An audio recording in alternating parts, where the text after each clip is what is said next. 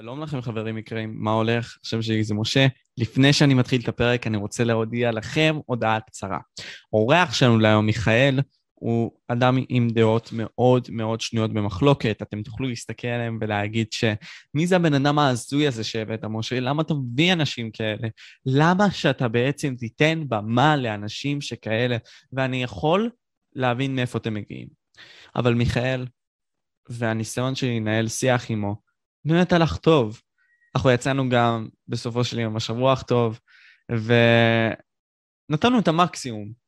כלומר, הוא ניסה כמה שיותר לתת מעצמו, אני ניסיתי כמה שיותר אה, להיות, להיות מחוץ לשיח. כי בסופו של יום אני לא יכול כל הזמן להיכנס לדברים שלו ולהגיד לו, אוקיי, אתה טועה, אתה טועה, אתה טועה. כי, כי לשם השיח לא ייקח, לא ייקח אותנו לשום מקום. ואני באמת רוצה להציג אתכם בעצם לנקודת מבט כזאת שהיא שונה מבן אדם שניסיון החיים שלו הראה לו אחרת מאשר לכם. וזה מאוד חשוב שתזכרו את זה.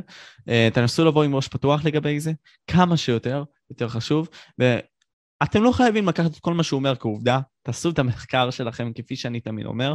Uh, במיוחד בנושאים כאלה שאנחנו דיברנו עליהם כפי שרשומים בכותרת. Uh, ואם אתם אהבתם את התוכן, להשאיר לייק ותגובה יכול לעזור לי בברכה, ואני יותר מאשמח שתשאירו גם עוקב, על מנת שתוכלו להתעדכן גם עם איכשהו בצורה מסוימת. אחרי, אחרי הכל יוטיוב מנסים להתריע באיזשהו שלב על הסרטונים הללו, אז תנסו גם לעקוב.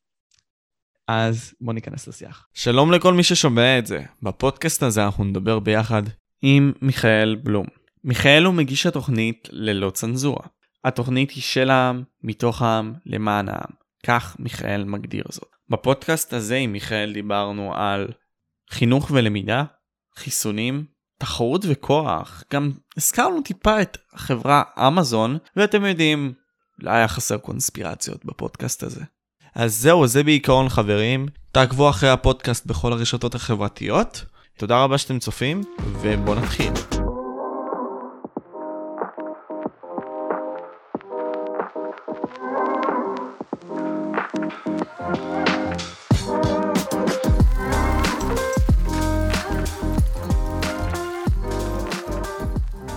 אז אה, עם כל ההתחלה הזאת, מה איתך? היי, תודה רבה, משה היקר, על זה שהזמנת אותי להתראיין. זה לא, לא דבר שאני עושה, כי לא, לא כך מזמינים אותי, אני חושב שזו פעם שנייה, ופעם אחת ראיינתי את עצמי אצלי בתוכנית, לא אני, מישהו ראיין אותי, אז אה, כן, נחמד, נחמד מאוד, תודה רבה. אני מרגיש מצוין, מרגיש מעולה בכל הרמות, בכל התחומים. תבחר תחום ואני אגיד לך למה אני מרגיש בו טוב. אז פשוט הכל.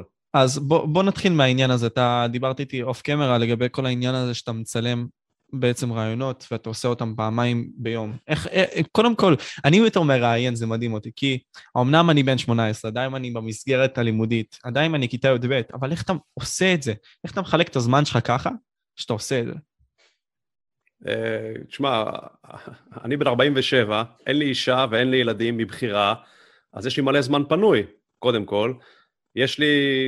בדיוק, אז זה, זה כבר עונה לך על השאלה. אתה, יש לך פחות זמן, כי אתה מסכן הולך לכלא כל יום, כמו אסיר לא, טוב. אני לא הולך ש... לבית ספר. דווקא אני לא. אני, אני לא החלטתי לא עד אוקטובר, אני לא הולך. בערך, עד אוקטובר, כן.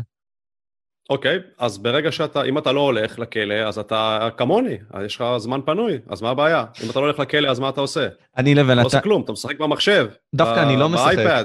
אני לא משחק, אני דווקא לומד כל היום, וואו, זה קשה ללמוד כל הזמן. אני, כשאתה קורא ספרים וכאלה, זה ממש קורע אותך.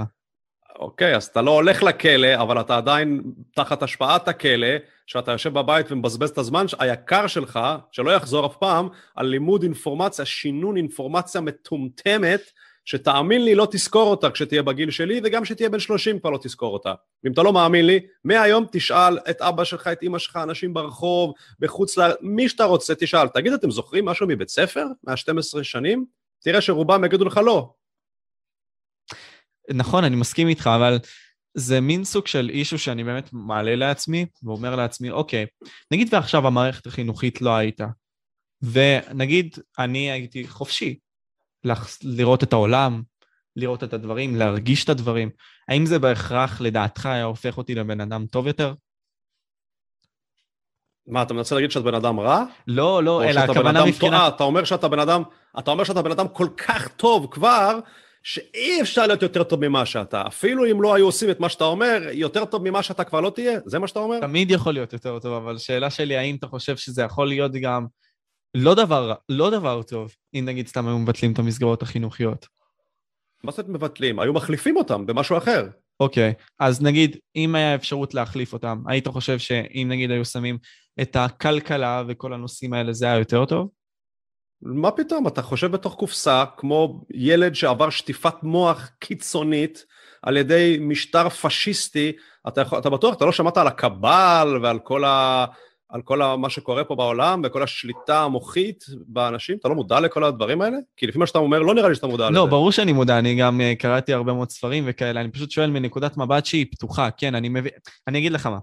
אני מבין שהבית ספר הוא גוף שמנסה להעביר את האג'נדה שלו בצורה מאוד מאוד מאוד מכוונת. זאת אומרת, לגרום לך לבוא ולא לשאול את השאלות ולהכיל אותך במידע שלך, ומה שנקרא choke up on your own food. וזה כן ככה, אני מסכים איתך. אבל למה העניין... on your own food? On, on their, on their disgusting food. נכון. הלוואי וזה your own food. אתה no. צודק בזה, נכון, אתה צודק, אתה צודק, אני אחדד את זה. on their food.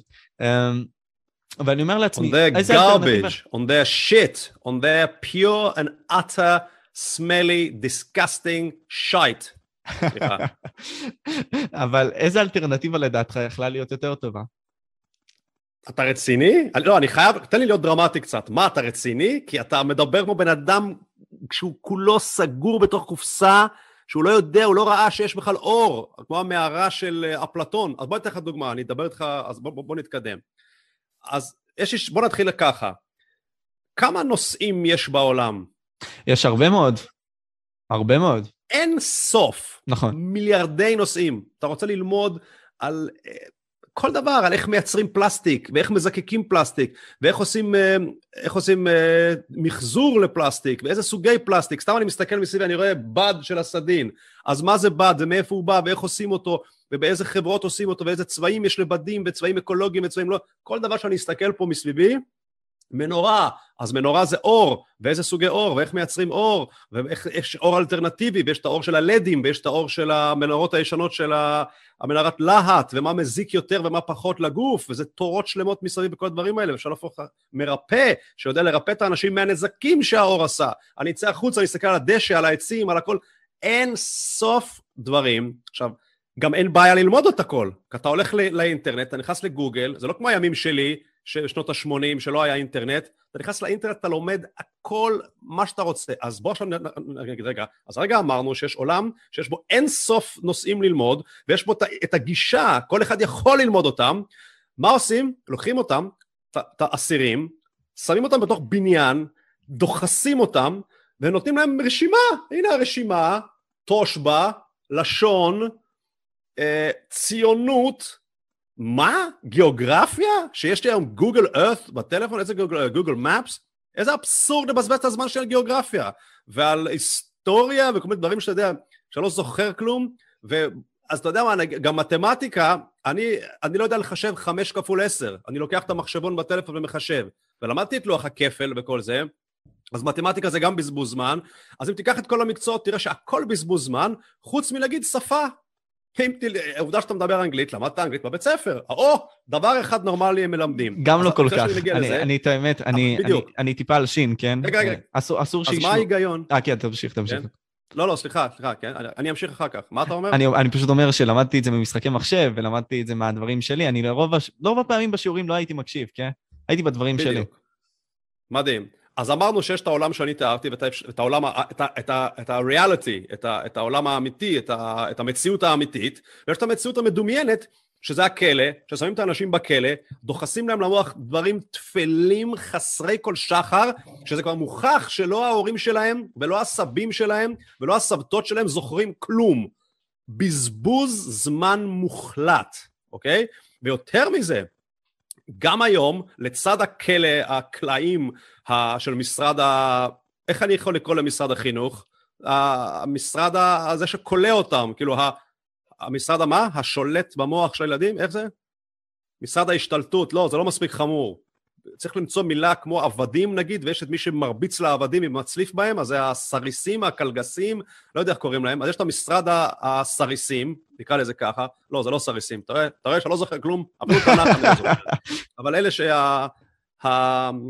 משרד הפשיסטים, בוא נגיד, או המשתפי פעולה עם האדונים השליטים הרשעים. אוקיי, משתפי, משתפי הפעולה עם הרשעים, המתעללים. איזה כותרת יפה. משרד ההתעללות. איזה כותרת יפה זה, אוקיי. משרד ההתעללות, מה הוא עושה? עכשיו נקטע לי חוט המחשבה, הוא, אה, אז אה, הוא בא ומביא לך את ה... בדיוק, משרד ה... אז, אז בפועל, במקום שייתנו, לה, תכף נדבר מה, בפועל, מונעים את כל הדבר הזה שהרגע דיברנו עליו, את כל האין סוף מקצועות, מונעים מכם, מה, מהאסירים בחירה, חס וחלילה, שאתה תבחר את. מה ללמוד? אוי ואבוי. עכשיו מה קורה? שמים אותך בתוך כלא, אומרים לך תלמד את המספר המצומצם, אפילו אם, זה, אפילו אם זה 50 מקצועות, שזה לא, זה אולי 10 מקצועות, 15 מקצועות, כמה 20 מקצועות, מתוך האין סוף, אין סוף, ומכריחים אתכם ללמוד את זה, ואם אתם לא מצליחים ללמוד את זה, אומרים קח רטלין, וקח אטנט, וקח קונצרטה, ולא אכפת לנו, תיקח שני אטנטים ביום, העיקר שתלמד את הזבל המוחלט הזה, שלא תזכור אותו בחיים שלך, כן? תגיד לי, אתה נורמלי? ואתה בא להגיד לי שאם לא היה את זה, היית בן אדם יותר טוב? אתה רציני כאילו? לא, תן לי שאני אצוות את עצמי להאמין שאני באמת שמעתי את זה. לא, אני אגיד לך מה, אני, אני, לא אגיד, אני, אני אגיד לך את הדעה שלי. אני אגיד לך את הדעה שלי. אני מאוד לא אוהב בית ספר. אני חושב שזה מבזבז לי את הזמן. ואני חושב שהעולם יכל להיות יותר טוב אם מסגרות החינוך היו יותר טובות. זאת אומרת, היו מקנים לך שירותים יותר טובים. בין אם זה כלכלה, בין אם זה יצירת תוכן בצורה נורמלית. כי אנחנו עכשיו במאה ה-21, לבוא וללמוד איך לערוך כל מיני דברים כאלה, ואתה לא צריך הסמכה לזה. כן, אני, אני מבין שיש מחסור במורים, אז לבוא ולתת להם יותר שכר ודברים כאלה, לתת להם יותר אינסנטיב בסופו של יום. עכשיו, אני אומר בדעה האישית שלי, בית ספר זה דבר נורא. אבל אני אומר, האם בהכרח עדיין צריך שיהיה מסגרת שתחזיק את הילדים? עכשיו, אני לא אומר לך משהו עבדות וכאלה, כמו שאתה מציג, ואתה מציג את זה בצורה מאוד נכונה. זה כמו בייביסיטר בסופו של יום. אני מתכוון, האם צריך איזושהי אלטרנטיבה אחרת שאפשר לחשוב עליה, שהיא כמו הדבר הזה, אבל יכולה להשכיל אותך כן. כמו שאתה רוצה. זה, זה, זה, זה השאלה שלי. תכף נגיע לזה. אז קודם כל אני רוצה לה, לה, להמשיך ולומר שבזמן שיש את הכלאים האלה, את הכלאים האלה, אה, יש במקביל כבר אלטרנטיבות. הבית ספר הדמוקרטי, בטוח ששמעת על זה. לך לבית ספר דמוקרטי, אין מה להשוות בכלל. זה עדיין בסגנון של כלא, זה נראה כמו כלא, אבל בתוך הכלא יש, אה, יש אווירה אחרת לחלוטין. אתה לא, קודם כל אתה לא חייב ללמוד. אתה קולט שאתה לא חייב ללמוד אם אתה לא רוצה? אתה מבין איזה כלא משוחרר זה? זה, זה, זה, זה כלא אחד, זה כלא עם אסירים עם שלשלאות בידיים וברגליים בצינוקות, ועבודת פרך, והכלא השני הוא פתוח. שב בכלא, אל תעשה כלום. אתה לא צריך לעבוד עבודת פרך, אתה לא תהיה כבול באזיקים, אתה גם יכול לצאת מהכלא ולחזור אם בא לך, אבל אנחנו רוצים שתהיה פה. ואז אתה נמצא שם, אז זה כבר, אין מה להשוות בכלל, את ה, כמה שזה זה קפיצה קוונטית קדימה, ויש עוד כל מיני כאלה, אתה יודע, יש אנתרופוסופי, ויש גם דברים שהם עוד יותר קיצוניים, שמעתי, כל מיני בתי ספר שהורים כאלה אה, אלטרנטיביים, אתה יודע, סגנון פרדס חנה וכן הלאה, וכן הלאה, אבל זה גם עולה ברמה. יותר מתירני, כן? זה גם עולה בהתאם. סבבה, עכשיו, אז אני אומר, רגע, אני קודם כל מדבר עכשיו על, על מה... על ה... אני מתאר את הדברים שקיימים, אני מתאר, תיארנו את המציאות, ואז תיארנו שיש כלא מאוד מאוד מאוד מאוד נוקשה, שרוב הילדים נמצאים בו, ואז כבר יש קלעים של הצווארון הלבן, מה שנקרא, שהוא הרבה יותר פתוח ופחות נוקשה ועם פחות התעללות. ההתעללות שמה, בוא נגיד, ב-90 אחוז פחות ממה שבכלא הממסדי של משרד ההתעללות. עכשיו בוא נשאל את עצמנו למה זה ככה. למה זה בכלל ככה? אז אמרת את המילה בייביסיטר. הרי הורה, כל הורה שישמע מה שאני אגיד לא יכול להתווכח עם זה. הוא לא יכול להגיד, לא נכון, זה חשוב שהילד שלי ילמד תושב"ע, ומה, הילד שלי בלי ציונות? מה השכנים יגידו? אף אחד לא יגיד את זה כבר, זה אבסורד.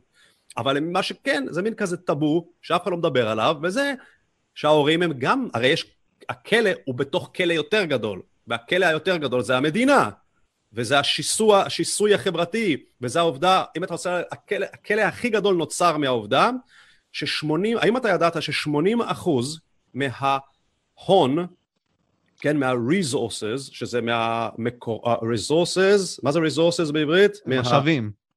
מה, מהמשאבים וההון העולמי נמצאים בידיים של פחות מאחוז אחד זה כמו מהאנשים... פרטו פרינציפול בעצם. זה כמו עקרון. הפרטו. שזה? בעיקרון עקרון הפרטו זה בא על אה, בן אדם מסוים שקוראים לו ווילפרד פרטו, שחשב על עיקרון כזה שקוראים לו, אה, אתה, אה, נגיד 80% מהאנשים מביאים 20% מהתפוקה, בזמן ש-20% מהאנשים מביאים 80% מהתפוקה. בעצם, כמו שאתה מתאר עכשיו, האחוזון הזה העליון מביא את רוב התפוקה העולמית, בזמן שרוב האנשים מביאים את קצת מהתפוקה העולמית. זה, זה בעיקרון עיקרון הפרטו. לא נשמע לי שזה מה שאמרתי בכלל, כי מה שאני אמרתי לך שהתפוקה, מי שהולך ועובד וקורע את התחת ומייצר את כל ה... ועובד בכלא, זה רוב האנשים שנמצאים למטה, כי זה הרי צורה של פירמידה. אז רוב האנשים למטה וכ... וכלפי כאן, הם עושים את העבודה הקשה, אבל רק מי שלמעלה למעלה, האחוז הקטן, לוקח להם. הם לוקחים את זה מלמטה, לוקחים לך, לוקחים לך את, ש... את ה-80 אחוז ממה שאתה ייצרת. דרך מיסים, דרך אינפלציה, דרך מיליון ואחד דברים. אז, אה, ודרך עוד דברים, דרך הלוואות, כל, כל מערכת הבנקים זה הונאה אחת גדולה, ייצור הכסף, אפשר לדבר על זה עד מחר. אז בוא נתחיל שפה שורש הבעיה. כי אם ה-80 אחוז האלה שלוקחים לנו, שמדובר בטריליארדי טריליוני טריליוני דולרים, רק אם תיקח חצי מזה, תיקח רק 40 אחוז, ותחלק את זה לתשעה מיליארד איש, כל אחד יהיה עשיר, הופך להיות עשיר בן לילה, לא, לא עמיד עשיר, זה אומר שיהיה פה גן עדן, יהיה למלא אנשים מלא כסף והכל יהיה נהדר ולא יהיה, לא יהיה בכלל רעב ולא יהיה שום דבר כזה. אבל אנחנו בכלא, הרי רוצים להעלים את המידע הזה מאיתנו, ולזה מסכסכים בינינו, ולזה יצרו ממשלות שכאילו יש ימין וכאילו יש שמאל, כדי שאנחנו נחשוב וצריך להילחם בערבים, כי הערבים הם רעים והם רוצים להרוג אותנו, ויש לך באנגליה נלחמים עם הכושים, עם הלבנים, ולא משנה מה, וההודים, ובאמריקה, במלא מקומות את השנאה השקרית הזאת, שילדים בגילך כבר יודעים שזה בולשיט, שעבדו על ההורים שלך בעיניים, כדי שהם יאמינו שהם צריכים להיות בכלא, וכדי שהם ייתנו את החופש שלהם. הבעיה, הגאונות בכלא של ההורים ושלנו, שזה לא כלא כמו פעם, שאתה ראית שאתה, הנה הסורגים, והנה השלשלאות. היום האנשים נכנסים לכלא, ו... ומקבלים את זה, והם לא יודעים שהם בכלא. תבוא להורים שלך ותגיד, אבא, אתה בכלא? אני אגיד לך, מה פתאום? אני בן אדם חופשי. חופשי? אוי ואבוי לך כמה שאתה חופשי, אתה הכי לא חופשי בעולם, אתה בן אדם מסכן שמשלם משכנתה שקרית לבנק שהמציא את הכסף הזה יש מאין, אתה, אתה משועבד לו, אתה לא יכול לקום וללכת לאן שאתה רוצה עכשיו, אתה חייב ללכת לעבודה שאתה שונא, כי אתה צריך לממן אותי, הבן שלך, כדי לממן, לי את ה, כדי לממן את הבייביסיטר, לשלוח אותי לכלא כל יום של משרד ההתעללות, כי הכל פה מעוות ודפוק מהיסוד. עכשיו נחזור חזרה, אפשר לדבר על זה שעות, נחזור חזרה לילדים. בואו עכשיו נתאר את המערכת, אז נגיד שלא היה את הצורך בבייביסיטר לילדים, ולפני שאני אומר את זה, אני אומר עוד דבר, תראה עוד שקר, לי אמרו עוד בבית ספר שמה אם לא תלמד, אני גם הייתי חושב על הילדים במס, ב, ב, נו, בבית ספר הדמוקרטי, מה זאת אומרת אל תלמד, כי הם לא, בכיתה ו', ז', ח', ט', יכולים לא ללמוד, ואז פתאום אם בא להם בגרות, הם יעשו בגרות רק בכיתה י"ב, ילמדו את הכל מהר ויעשו בגרות. מה מתברר? ואז אני אומר לו, אני אומר, אה יופי, אז אם הוא יעשה בגרות בי"ב, לפחות הוא יוכל ללכת לאוניברסיטה. עוד שקר וכזב של ניכנס לזה אחר כך, אבל נגיד שצריך ללכת לאוניברסיטה, שזה בעצם עוד כלא, אבל רק בקנה מידה יותר גדול מהבית ספר, או שונה, מתקדם יותר, אבל היום יש דבר שנקרא מכינה. אתה יודע מה זה מכינה? מכינה, בקד... אה, כלומר צבאית? אתה מתכוון לזה? או מכינה לא, של... לא, יש מכינה באוניברסיטה. אה, כן, לקבל נקודות אומרת, וכאלה, נכון. אם אין לך בגרות, זה אומר שסיימת את הבית ספר הדמוקרטי נגיד, או שלא הלכת בכלל לבית ספר, ואתה אומר, אני רוצה ללכת לאוניברסיטה, ואין לי בגרות. לא צריך להשלים בגרות. אתה הולך ל... אני רוצה ללמוד מגמת X, מחשבים, לא יודע מה, אנגלית, שפות, פילוסופיה, פסיכולוגיה, לא יודע מה. אומרים לך, אוקיי, אין לך בגרות, לא צריך בגרות, אבל הנה רשימה, הנה כמה מבחנים, אתה צריך לעשות, לא יודע, שבעה מבחנים בזה, בזה, בזה ובזה, אם תעבור אותם, בוא ללמוד בלי בגרות. אתה ידעת את זה? כן, אפשרי, נכון. זה גם באוניברסיטה יפה. הפתוחה ככה. במיוחד. אז בשביל מה צריך בגרות? אז, אז, אז לא, אז לא, אז אנחנו מבינים שלא צריך בכלל את הבית ספר הזה. רק, הוא צריך אותו רק למען בייביסיטר, mm, אוקיי? אוקיי, נכון, אז, אני מסכים אז, על זה, באיזשהו שלב כן, אני מסכים על זה, כן. נכון. אוקיי, אז עכשיו בוא נחשוב מה עושים. אה, בוא רגע נקפוץ קדימה ואז נחזור אחורה. בוא נפנטז קצת. אז נגיד, כי, כי הרי הכל קשור. מבין, הכלא של ההורים קשור לכלא של הילדים. אבל אז אני... עד שההורים אני... לא יש... אבל אני אשמח לחדד אותך, כי כולם בסופו של דבר תלויים. גם אתה תלוי בדבר, באנשים אחרים, שבעצם אם הם לא יביאו לך משהו, סתם בדוגמה, אה, אתה לא תבוא ותתקיים, אתה תבוא ותחיה כעני. סתם דוגמה, אני סתם זורק, כן? זה כדוגמה. אנחנו תלויים אחד בשני בסופו של דבר. זה הכל דברים שהכניסו לך לראש. מה אה? זה אני?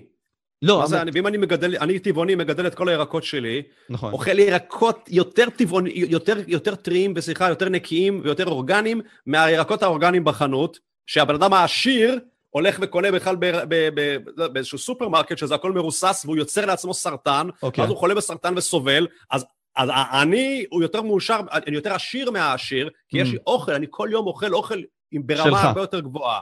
אז איפה אני אני? הכל, הכל קונספטים שהכניסו לנו לראש במשך שנים.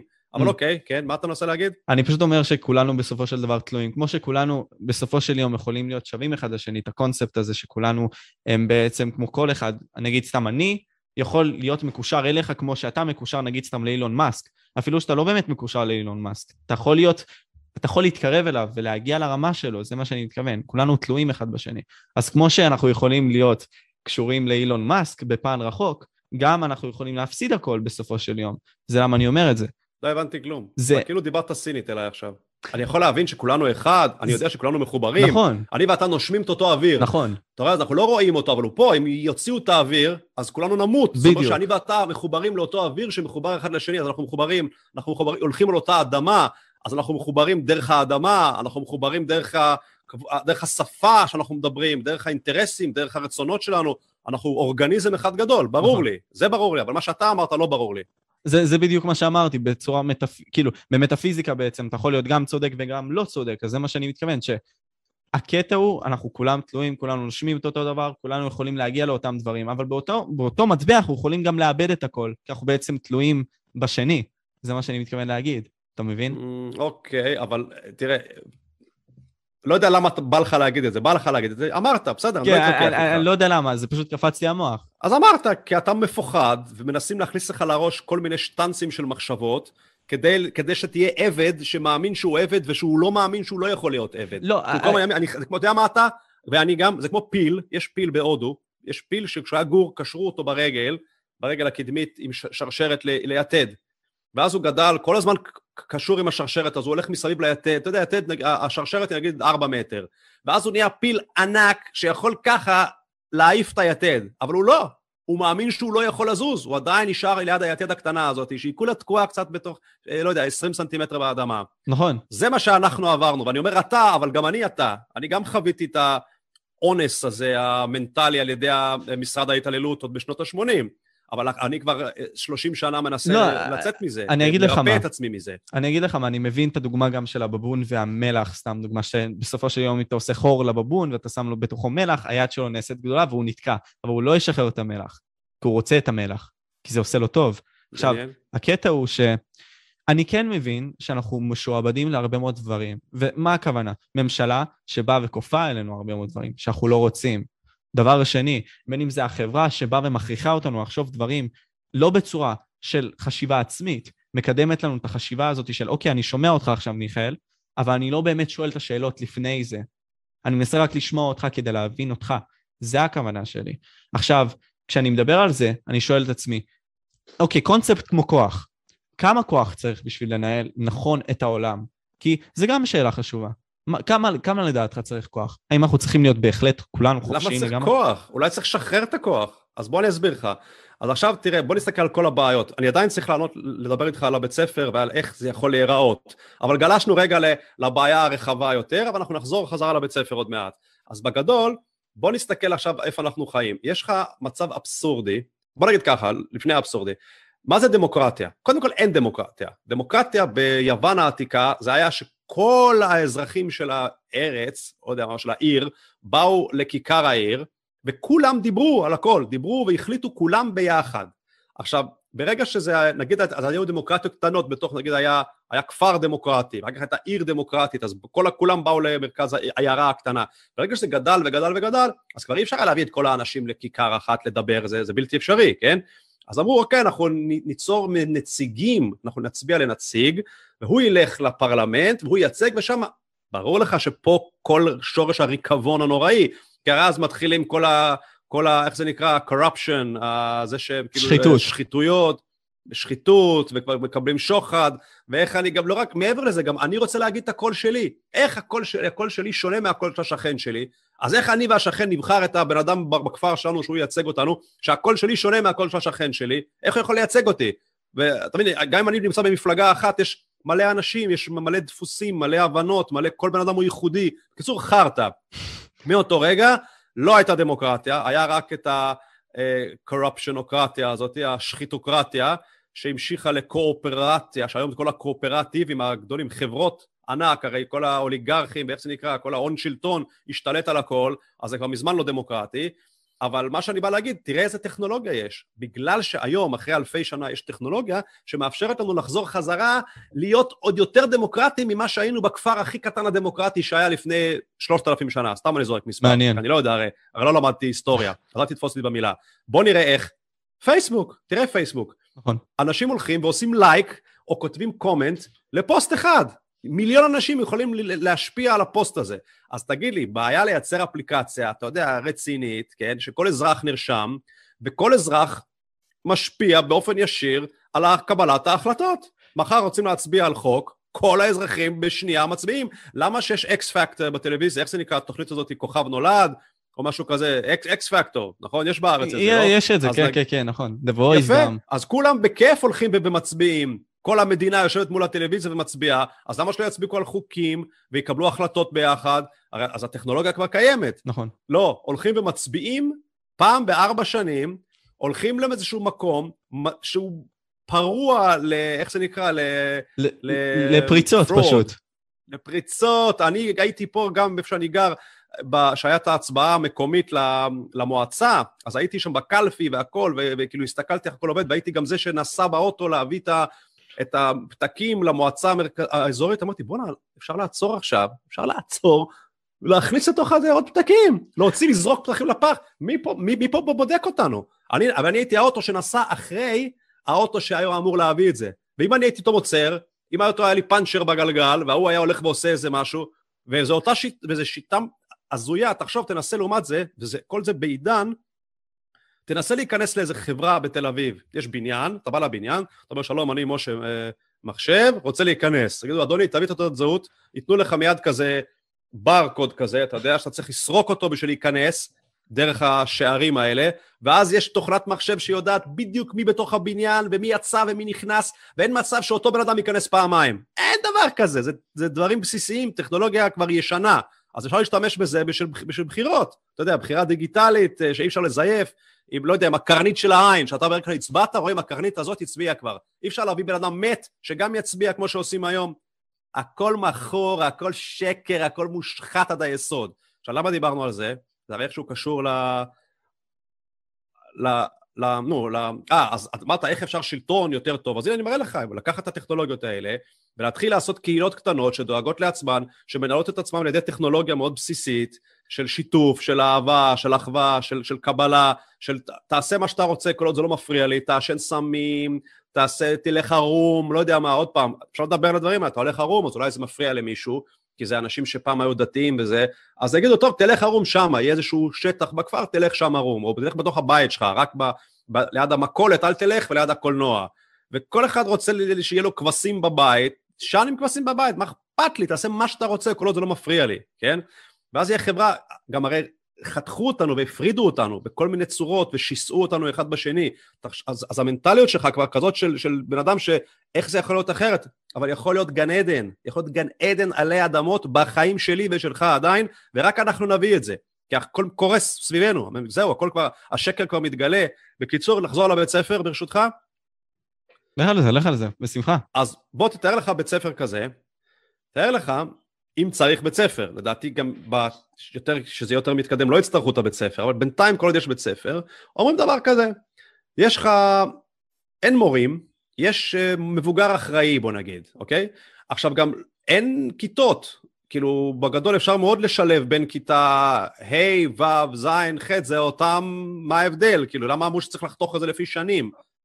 יש, עוד הזיה, כן? יש טיפה הבדל, כי אם אתה נגיד סתם עכשיו שם ילד כיתה ד' וילד כיתה ח', יש הבדל מבחינת אה, הבוגרות שלו. כי בסופו של דבר הילד כיתה ד' והילד כיתה ח' מנסים לבוא ולמצוא את עמק השווה.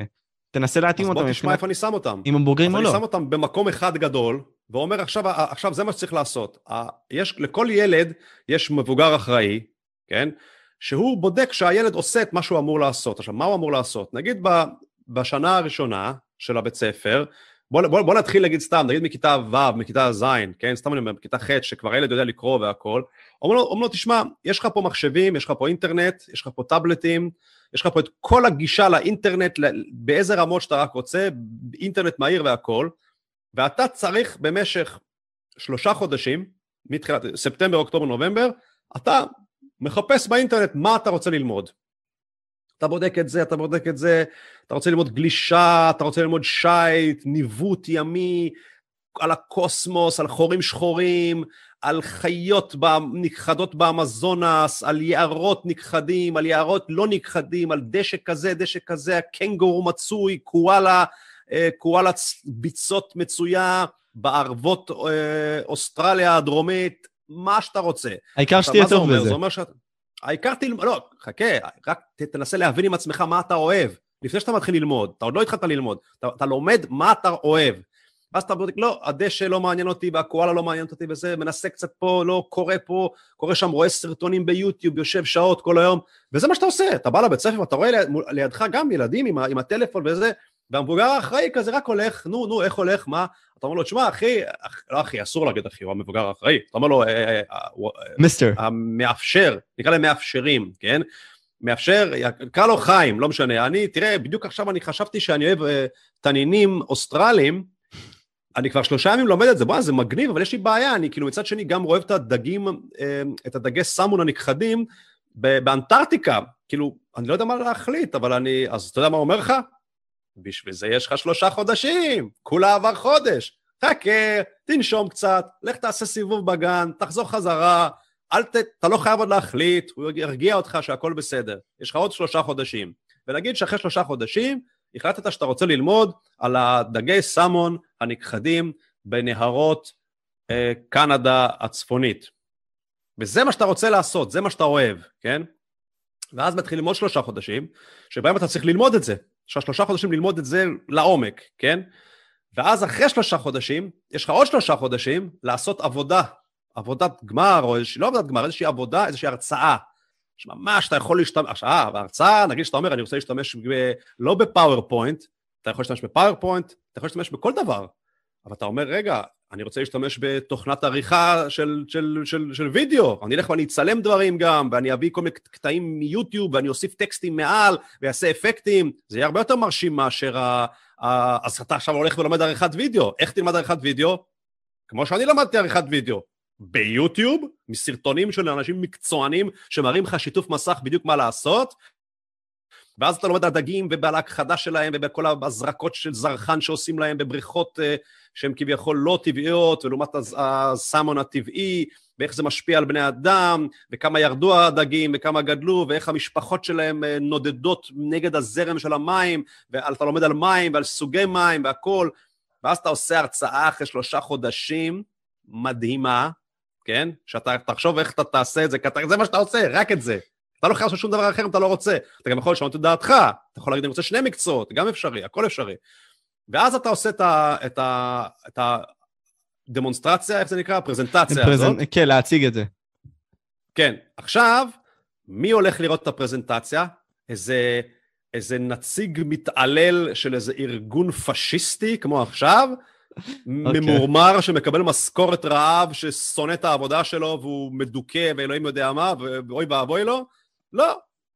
אתה יודע מי הולך לראות את זה? התלמידים בבית ספר וההורים שלהם. ומה יהיה? יהיה אפליקציה מאוד פשוטה, שכל אחד יכול להצביע מה הוא חושב על זה. עכשיו, אם זה יהיה פרזנטציה מדהימה, אז כולם יצביעו, וואו, זה מהמם, רואים שהבן אדם למד, אתה מבין? רואים שהוא מבין בדבר הזה.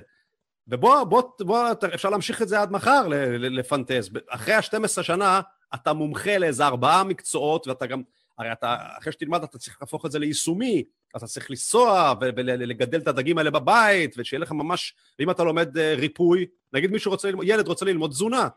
למה שילד יצטרך לחכות?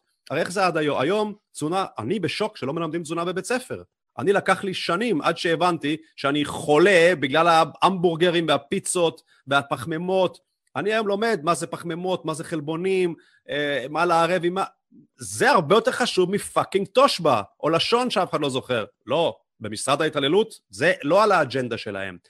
אז ילד יכול להגיע לגיל 18, אחרי 12 שנות לימוד, ולהיות תזונאי ברמות מטורפות. שאיכשהו יוצא מה, מהבית ספר, יש לו תור של מטופלים שמשלמים אלף דולר כל אחד, כי הבן אדם גאון בזה, ב... אה, נו, בתרפיה צמחים או כן. ברפואה סינית, או לא יודע מה. כן. מה אתה אומר? לא נראה לך הגיוני? אוקיי, אז קודם כל אני אתחיל ואפרק את זה, כן? קודם כל, מה שאתה אמרת לי עכשיו זה נשמע לי מדהים. כי בסופו של יום, אני מבין שאדם צריך חופש בשביל להתפתח. אני מבין את זה לגמרי. אני אישית, כשהייתי בחופש הגדול, אהבתי כל כך את הזמן שלי החופשי, שלא התעסקתי בלימודים, מהסיבה הפשוטה, שנחשפתי כל כך הרבה עולמות, והבנתי יותר מי אני בסופו של יום, כי זה מאוד קשה בעולם הזה להבין מי אתה. אתה חושב שאתה מבין מי אתה, אבל אתה לא באמת, אבל אתה מתקרב לזה. דבר שני, כשנכנסתי ויותר התעמקתי לזה, הבנתי שאני, את הדברים שאני אהבתי לפני זה, לא באמת אהבתי. אהבתי אותם כי אמרו לי לאהוב אותם, כי זה יותר נחשק. וזה העניין, ואני מסכים איתך לגבי זה, שזה כן נכון. זה כן נכון לבוא ולתת את החופש. ומה שאמרת, בכללי כקונספט, סתם דוגמה, וכמובן שאפשר לפתח אותו, כן? אנחנו מדברים פה באוויר בעיקרון, אבל זה מדהים, זה באמת מדהים, וזה באמת יכול לקדם אותנו קדימה. אבל השאלה האמיתית היא, האם העולם רוצה שיהיו אנשים כאלה? כי אם היינו רוצים באמת שאנשים יהיו טובים, מפותחים, חזקים, נאורים, באמת, ולא יהיו חשוכים, כמו שאתה מגדיר, בורים, העולם כבר היה עושה את זה, אבל השאלה האמיתית היא שלא נראה לי יש לנו את התשובה אליה, למה העולם לא עושה את זה. לא יודע במה אתה מתכוון בעולם. אני יכול להגיד לך שעל כדור הארץ יש אה, תשעה מיליארד בני אדם שנשלטים בצורת פירמידה, כמו שאמרתי לך, יש אה, איזשהו אה, קומץ קטן של אנשים, של משפחות, אתה יכול ללמוד על זה באינטרנט, אני כבר 19 שנה לומד על זה, יש לך את רוטשרד, רוקפלר, כל משפחת המלוכה האנגלית, ההולנדית, יש לך משפחת אה, מדיצ'י באיטליה, בקיצור, אחר כך יש לך גם אנשים יותר מודרניים שהצטרפו לשם, כמו ג'ורג' סורוס, וכל מיני כאלה כמו מרק צוקרברג אומרים, וכמובן ביל גייטס, בקיצור זה אליטה מאוד מאוד מאוד מאוד גדולה של טריליארדרים, שהם עובדי השטן אומרים, ובכלל עוד, עוד דברים זוועות אחרים אומרים עליהם, אבל לא משנה, הם שולטים בבני האדם, איך? הם בנו מה שנקרא matrix, matrix. ה matrix נבנה כבר לפני נגיד אלף שנה, אבל אם תלך אחורה אפילו 200 שנה, משהו כזה, הם ממש כבר אנחנו רואים היום את התוצאות של מה שהם עשו לפני 200 שנה ו-100 שנה, שזה ממש שינו לגמרי את כל הדרך חשיבה, וכל מי שנולד ב-200 שנה האחרונות, הוא לא יודע שבנו matrix נגיד לפני שנת 200 שנה. אני ואתה נולדנו, אמרנו אוי, זה, נולדנו לתוך הכלא, ורואים בכלא, חושבים שככה הכל, ככה זה נהיה, ככה העולם רוצה, כמו שאתה אומר. אבל בעצם אף אחד לא רוצה את זה, ואף אחד לא יודע שהוא בתוך הכלא. עכשיו, הכלא אה, מאוד מתוחכם, כי המטריקס הזה בעצם, קודם כל שם אותך בבית ספר, שמלמד אותך להיות צייתן, ולפחד מהמערכת, ואומרים, לוקחים לך את הכסף, כל מערכת הכסף היא שקרית.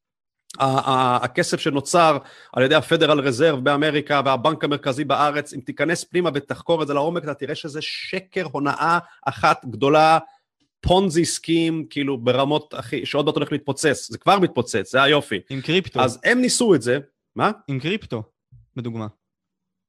קריפטו זה מדהים, קריפטו זה מראה לך, חושף את השקר בדיוק. נכון, זה, זה מה שאני מתכוון, כן.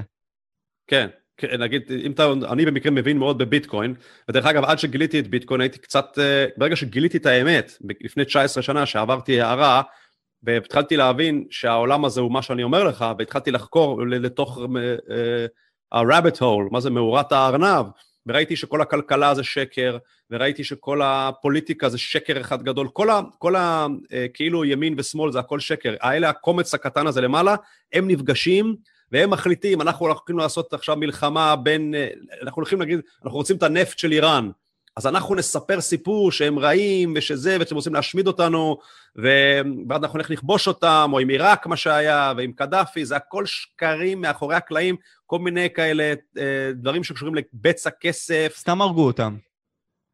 הרגו אותם, כן, כי הם לא, הם לא הקשיבו למאפיה, המאפיה זה מי שלמעלה שולט.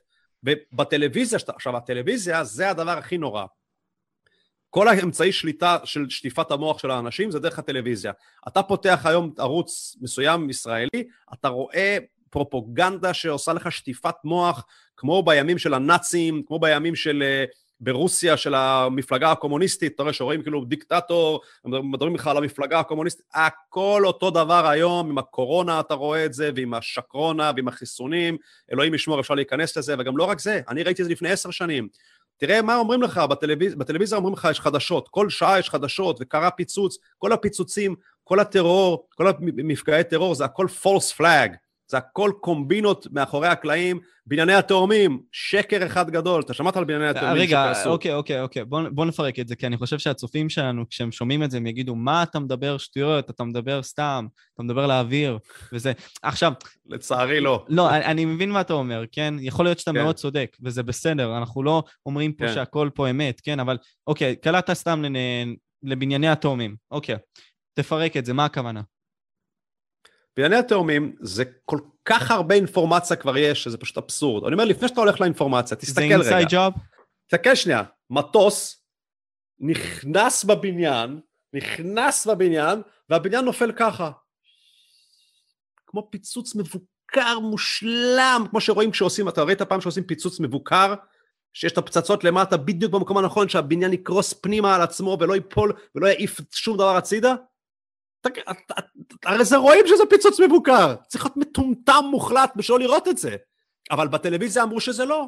אמרו שבמטוס, התנגש פה, וזה יצר מצב שהיה כאילו חום, שכאילו המיס את הפלדה של... חרטא שקרים שרק מי שמאמין בטלוויזיה יכול להאמין לזה.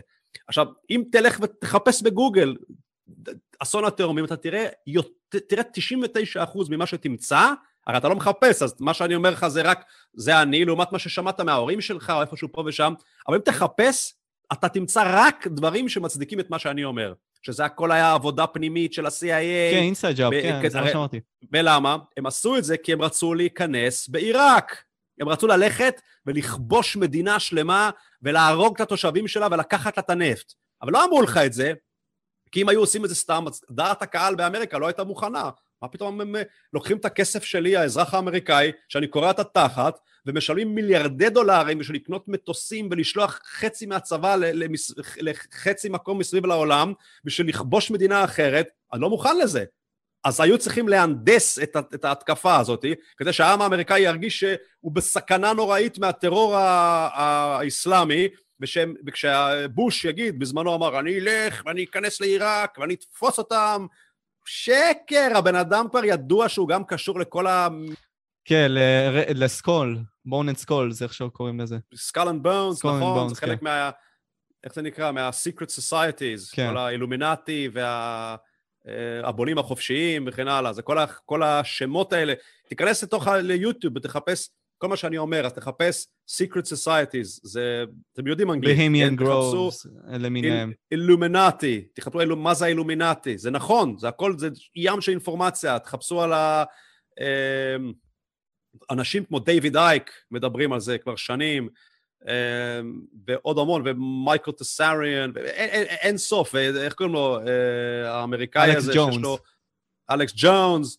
מדבר על זה בלי סוף, אתה מבין? אז הנה, דיברנו על, על התאומים, ואם תראה, יש מלא מלא דברים שקרו בהיסטוריה, אומרים שכל מלחמה שפרצה, כל מלחמה היא מהונדסת, כולל השואה, כולל היטלר, הכל, הכל, הכל מלמעלה, מי ששולט, משחקים בכולם. יש, תסתכל על בילדברג, יש מפגש בילדרברג, Bilderberg Group, זה תחשוב שפעם בארבע שנים, מתכנסים במקום מרוחק, כל פעם מקום אחר, מוצאים איזה, איזה מלון באיזשהו מקום על איזה הר, לא יודע מה, באיטליה. פעם זה היה בלונדון, כשגרתי בלונדון, הלכתי לשם להפגנה שהייתה מחוץ לזה. זה היה בווטפורד, ליד לונדון ב-2012 אני חושב, זה כל פעם מקום אחר. ונפגשים שם ראשי מדינות, כל מיני ראשי בנקים, ראשי חברות ענק, תאגידי ענק, נפגשים בדלתיים סגורות ומדברים אתה יודע על מה הם מדברים? על מה הם הולכים לעשות. הם הולכים להגיד, ביבי, אתה עכשיו עושה את זה. לא תעשה את זה? ראית מה קרה ל-JF קנדי? אתה יודע מי זה JF קנדי? כן, קיבל את הירייה למוח שלו, טיפה עף לו. הרי ברור לך שגם זה היה רצח מתוכנן של אותו, של אותם קבל, של אותו CI של כולם. לא, הוא במקרה מת, במקרה איזה יורה משוגע הלך וירה בו. ובמקרה הוא אמר שהוא הולך לחשוף את כל, ה, את כל השליטים האלה שמאחורי הקלעים, שמאיימים עליו, אבל הוא ישים לזה סוף. הוא, לפני שהוא שם לזה סוף, שמו לו סוף. כן, אוזוולד נרצח, כן. גם. בדיוק, ושתלו שם איזה מישהו, רצח רבין, עזוב אותך ללכת רחוק ל, לרצח קנדי. רצח רבין אומרים שזה גם אותו דבר. זה הכל נכון. השב"כ עשה עם המוסד, ויש לך מלא אינפורמציה ביוטיוב, תחפש על זה. אבל מיכאל, מיכאל, חבר שלי דוקטורט על זה כמעט. מיכאל, אני, אני מסכים איתך, ואתה יודע, לגמרי יש פעמים שאני אומר לעצמי, אוקיי, יש משהו פישי בדברים, בהרבה מאוד מהמקרים, והעולם שלנו הוא לא טהור בכלל. אבל אני שואל את עצמי, האם לפעמים אנחנו גם מגזימים עם הקונספירציות האלה? האם לדעתך זו שאלה לא נכונה, כי בסופו של יום אם אני אגיד כזה, מה, אתה אומר לי בעצם לא לשאול שאלות? איזה בן אדם בור אתה? מה זה, מה זה הדבר הזה? אז האם לדעתך גם יש over דבר כזה? כי יש את ה-QAnon בדוגמה שהם גם קונספירטיביים וכו', אז סתם, סתם מעניין אותי לשמוע. לא הבנתי מה אתה אומר, לא, לא, אין לי מושג מה אתה אומר. אני אומר, אתה רוצה להמשיך, אתה, אתה אומר לי over, שמו over, אנחנו נמצאים, כמו שאני ואתה בתוך מלחמה, תחשוב, כן, והנה האויב מגיע מפה ומפה, ויורים לך מפה ויורים לך משם, ואתה כבר לא יודע מי יורה ומה יורה, ואז אתה אומר לי, תגיד לי, מיכאל, נראה לך שהכדור הזה שהרגע נורה מעלינו, הוא נורה על ידי האויב, או אולי הוא נורה על ידי חטיבה שלנו אחרת שהתבלבלה וירתה אותו? בוא נתפלצף על זה עכשיו, בזמן שאנחנו מתפלצפים, תכף תקבל כדור בראש ותמות. אז אני אומר, זה גם זה הם רוצים. הם רוצים שאתה תטיל ספק בזה שאתה נמצא במצב קיצוני ביותר, שלוקחים לך את כל הזכויות שלך, ותתחיל לשבת ולהתפלצף, אולי זה הגזמה, אולי זה לא נכון. מה שכן אתה יכול לעשות, אתה יודע שכל זה יכול להיגמר ככה? נכון, פצצת אטום אחת ובום. אם... לא! אם אנחנו בני האדם נתאחד ונגיד די, מספיק, לא נותנים לזה כוח. הם לא יכולים, הם למעלה פה, הם קטנים, הם קצת. הם בונים על זה שאנחנו נהיה מפורדים, ואנחנו נאמין שאנחנו בכלא, ו... לא, שאנחנו לא נדע שאנחנו בכלא, ושאנחנו בגלל זה נמשיך לחיות רגיל, והרי אנשים גם מפחדים משינוי. תבוא, הם אנשים מפחדים לחשוב. הבעיה היא, הם נתנו לנו טלוויזיה, טלוויזיה, טלוויזיה, עם שקרים, שקרים, שקרים, שקרים. שקרים גם לגבי, תראה מה מפרסמים לך בטלוויזיה, קוקה קולה, טעם החיים, קוקה קולה זה fucking חומצה שמנקים איתה אה, חלודה מטרקטורים באמריקה. כן? במכוניות. זה מסרטן, זה מלא סוכר, זה לא נורא. לא, מותר להם, הם משלמים כסף, אז התאגידים הגדולים שהם שולטים בטלוויזיה, גם בתעשיות התרופות, שרוצות שאנחנו נהיה חולים, תחשוב, היום רופאים הם, הם מה שנקרא אלופטים, אלופטיק מדיסן, זה כל דבר שהוא רק תרופות, אתה בא אומר יש לי כאב, קח תרופה. יש לי, אני, אני, אני באתי, תראה אותי, אני בן 47, באתי לפני חמש שנים לרופא, ארבע שנים, אמרו לי, עשיתי בדיקות דם, אמרו לי, תשמע, יש לך התחלה של סכרת. אתה צריך עכשיו לקחת שני כדורים כל החיים שלך. מה עשיתי? הלכתי ישר ליוטיוב, חיפשתי, ואני רואה מלא רופאים ש- שלא נותנים להם מקום בטלוויזיה, שאומרים, אני רופא ואני ראיתי איך שאומרים לי לתת למטופלים שלי כדורים, והבנתי, משהו פה לא בסדר, והם אומרים לך, אתה אוכל לחם, זה פחמימות, אתה אוכל עוגיות, בורקסים, כל דבר שיש בו, אה, שיש בו דגנים זה פחמימות. עכשיו, מה זה פחמימות? פחמימות הופכות לסוכר, אוקיי? בלי קשר לסוכריות ולגלידות וכל זה, שזה הרי רעל. תיכנס לכל חנות ילו, כל מה שיש שם מסרטן. הכל! אתה לא יכול למצוא שם דבר אחד לא מסרטן, אתה מבין? כי הם רוצים שאנחנו נהיה חולים כרונית לאורך זמן.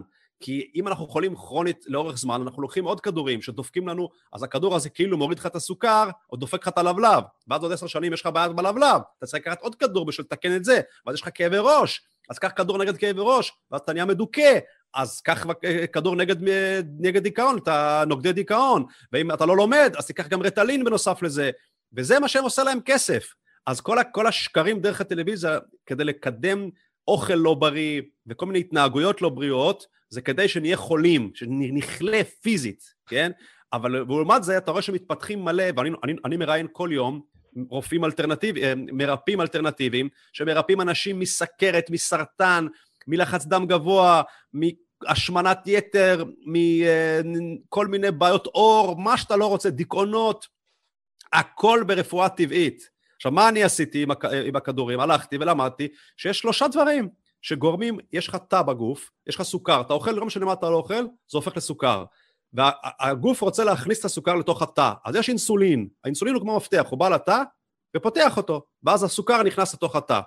אם בן אדם לא עושה כושר, כמוני, יושב על הכיסא כל היום מגיל 18, ואוכל לא בריא, זה אומר, אתה יודע, אפילו אם אתה לא אוכל ממתקים, אתה אוכל רק פחמימות, זה הופך לסוכר, וזה לא טוב, זה יותר מדי סוכר, ואם אתה, יש לך סטרס, אז אתה נהיה מושפע מזה, ואיך הוא מושפע? כשהאינסולין בא לפתוח אותו, הוא לא משפיע על התא. אז התא במקום להיפתח ככה, הוא נפתח ככה.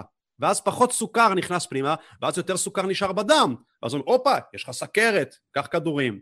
ומה הרופאים באינטרנט אומרים? לא, תתחיל ללכת, התחלתי ללכת הליכות, כל יום, איזשהו ספורט, ללכת ברגל, זה מאוד עוזר, שעה ביום, להפסיק לאכול את כל הפחמימות האלה, התחלתי לאכול ירקות ודברים בריאים וטובים מהטבע, והורדתי את הסטרס, ומה קרה? התא התחיל להיפתח, הלכתי לרופא אחרי ארבעה חודשים, עשיתי בדיקה, אין סוכר.